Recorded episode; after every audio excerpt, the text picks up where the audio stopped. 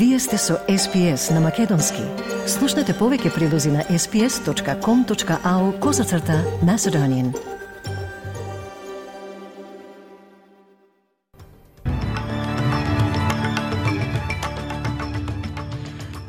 Во денешниот билтен вести издвојуваме Хакерите почнаа да објавуваат украдени податоци од Медибенк на црниот интернет, а Медибенк може да се соучи со колективна тужба поради хакирање податоци.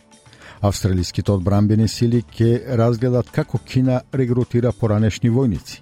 Македонскиот министер за надворешни работи Бујар Осман имаше средба со лидерите на бугарските политички партии во Софија И од тенисот, женската репрезентација на Австралија ја порази Словачка во финалната серија од Били Джин Купот. Слушајте не.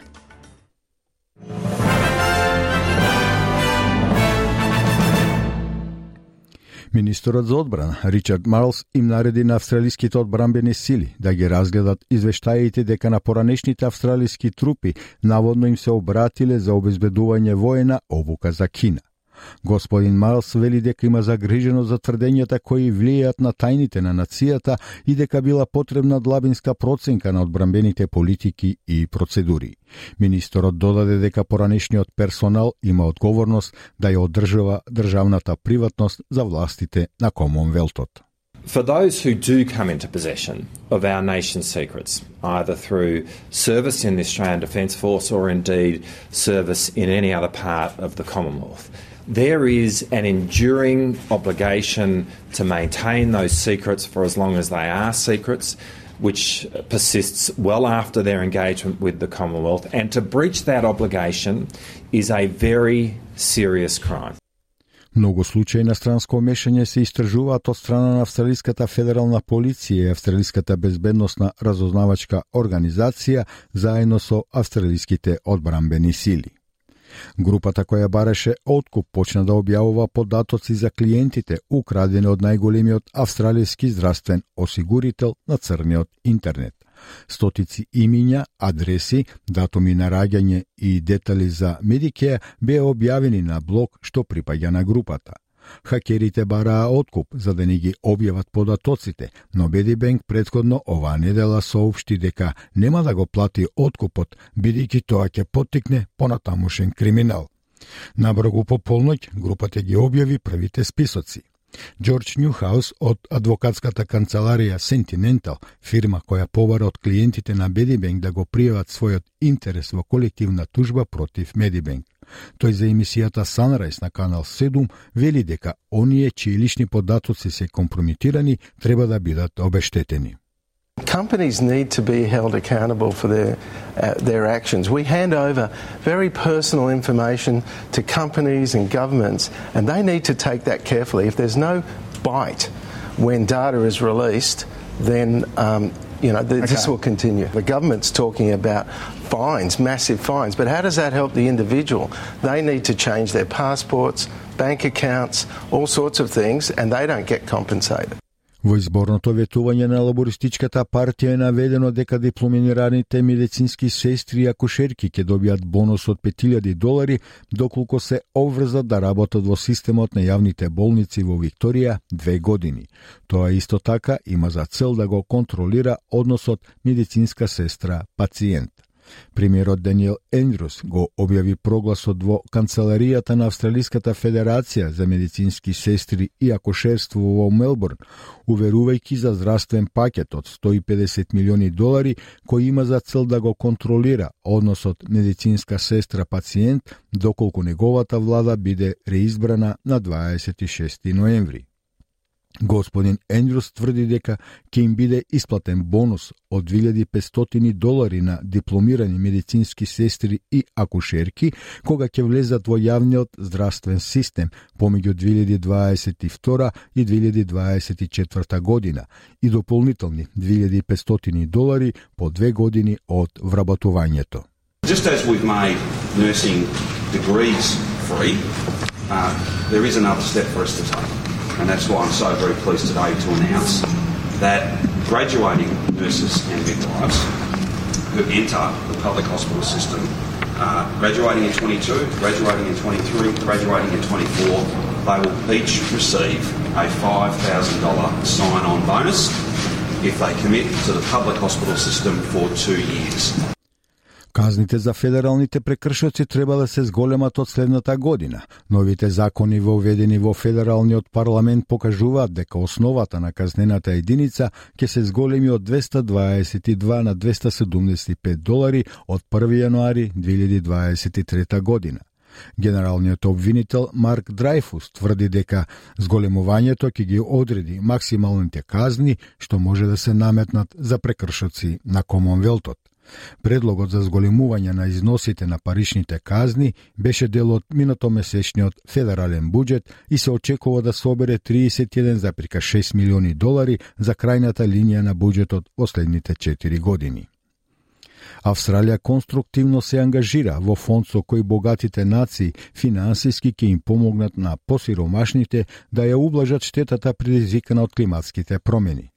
Министерот за енергетика Крис Боувен нема конкретно да се обврзе да го подржи цитирам, Фондот за загуба и штета, затворен цитат, на агендата на конференцијата на Обединетите нации КОП-27 во Египет, велики за ABC дека плановите за фондот ќе бидат финализирани во 2024 година.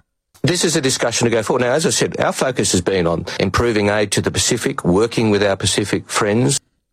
Сенаторот на националните ја повикува федералната влада да го реши недостигот на сигурен газ наместо да ги зголемува даноците за енергија. Мет Канаван побар од представниците на Министерството за финансии да го наведат видот на интервенции на пазарот што ги планира и дали е можно ограничување на цената. Министерството за финансии бара од владата да формулира низа решенија за решавање на енергетската криза, додека домакинствата се борат да се справат со неа. Мет Канаван вели дека на австралијците им е потребна помош пред божитните празници. What we need to do here to bring prices down is increase supply. But in the last two weeks, we've seen the government slash funding to develop new gas projects. Uh, we saw just this week the Minister for Environment call in 18 new coal and gas projects. The government is just not focused on the real problem here. Во рамките на работната посета на Софија, македонскиот министер за надворешни работи Бујар Османи оствари средба со лидерите на главните политички партии представени во Народното собрание на Република Бугарија. На средбите се разговарало за теми поврзани со билатералните односи меѓу двете земји, врските кои произлегуваат од договорот за пријателство, добрососедство и соработка, како и за начините како да се адресираат отворените прашања кои ги засегаат двете соседни држави во интерес на македонските граѓани и нивната европска иднина. Министерот за надворешни работи Буер Османи најави дека законот за имиња на здруженија кој беше донесен во Македонското собрание ќе продолжи да биде ќе предложи да биде испратен до Венецијанската комисија за да се утврди дали е спорен. Османи ова го најави на заедничката пресконференција со неговиот бугарски колега Никола Милков. Да, донесен е закон собрание кој чија цел беше да се одговори на моментот, да се пречи евентуално саботирање на заедниците од страна на други други чинители, меѓутоа еве тука ќе кажам јавно поради тоа што се оспорени одредени прашања во самиот закон, јас ќе предложам владата да го прати законот во Венецијанската комисија, за да Венецијанската комисија каже точно дали има елементи кои што се спорни во тој закон или Американците вчера ги дадоа последните гласачки ливчиња на тесните неизвестни среднорочни избори кои ќе одредат дали републиканците ќе ја добијат контролата врз Конгресот, што ќе им даде моќ да блокираат голем дел од плановите на председателот Џо Бајден во следните две години.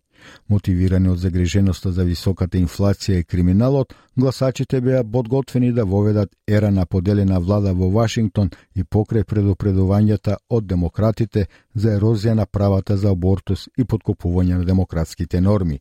35 места во Сенатот и сите 435 места во представничкиот дом се на гласачкото ливче. Амбасадорот на Соединетите Американски држави во Обединетите нации ги увери украинските земјоделци дека продолжувањето на договорот за време на војната за олеснување на пратките на украинското жито и други стоки преко Црното море е приоритет за Обединетите нации. Договорот кој Русија и Украина го подпишаа одделно со Обединетите нации и Турција треба да истече на 19 ноември. Руски дипломат во вторникот го наведе незадоволството на Москва од неговото спроведување. Амбасадорката на САД Линда Том Гринфилд вели дека Русија, цитира, ја влошила најлошата криза со безбедноста на храната, што некој од нас некогаш ја видел. Russian forces have deliberately attacked so much of Ukraine's agricultural infrastructure. They have spoiled fields, they've bombed grain silos, and literally stolen tractors. These are not only horrific attacks on civilian in- infrastructure, they're also attacks on the world's food supply, and they have exacerbated the worst food security crisis any of us have ever seen. Австралиските тенисерки победнички го започнаа финалето на купот Били Джин Кинг победувајќи Словачка со 2 спрема 1. Сторм Сандерс и Ајля Томљановиќ остварија победи во сингл за да ја донесат водство на Австралија од 2 спрема 0 на турнирот во Глазгов. Сандерс ја победи Викторија Кузмова со 2 спрема 0, додека Томљановиќ истиот резултат ја совлада Ана Каролина Шмиделова. Сандерс и Елен Перес загубија во игра на двојки за конечен резултат од 2 спрема 1 за Австралија.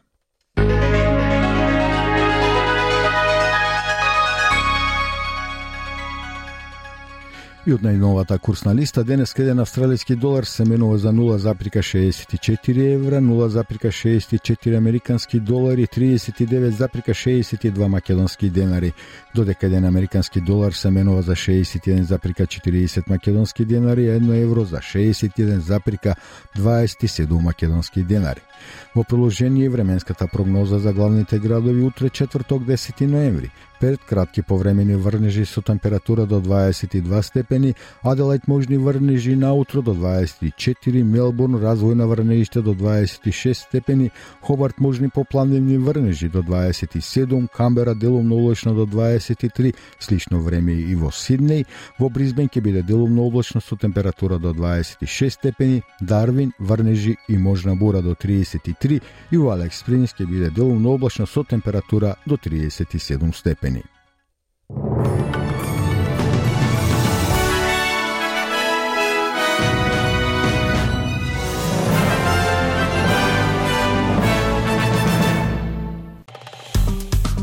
Стиснете, ми се допаѓа, споделете, коментирајте. Следете ја SPS на Македонски на Facebook.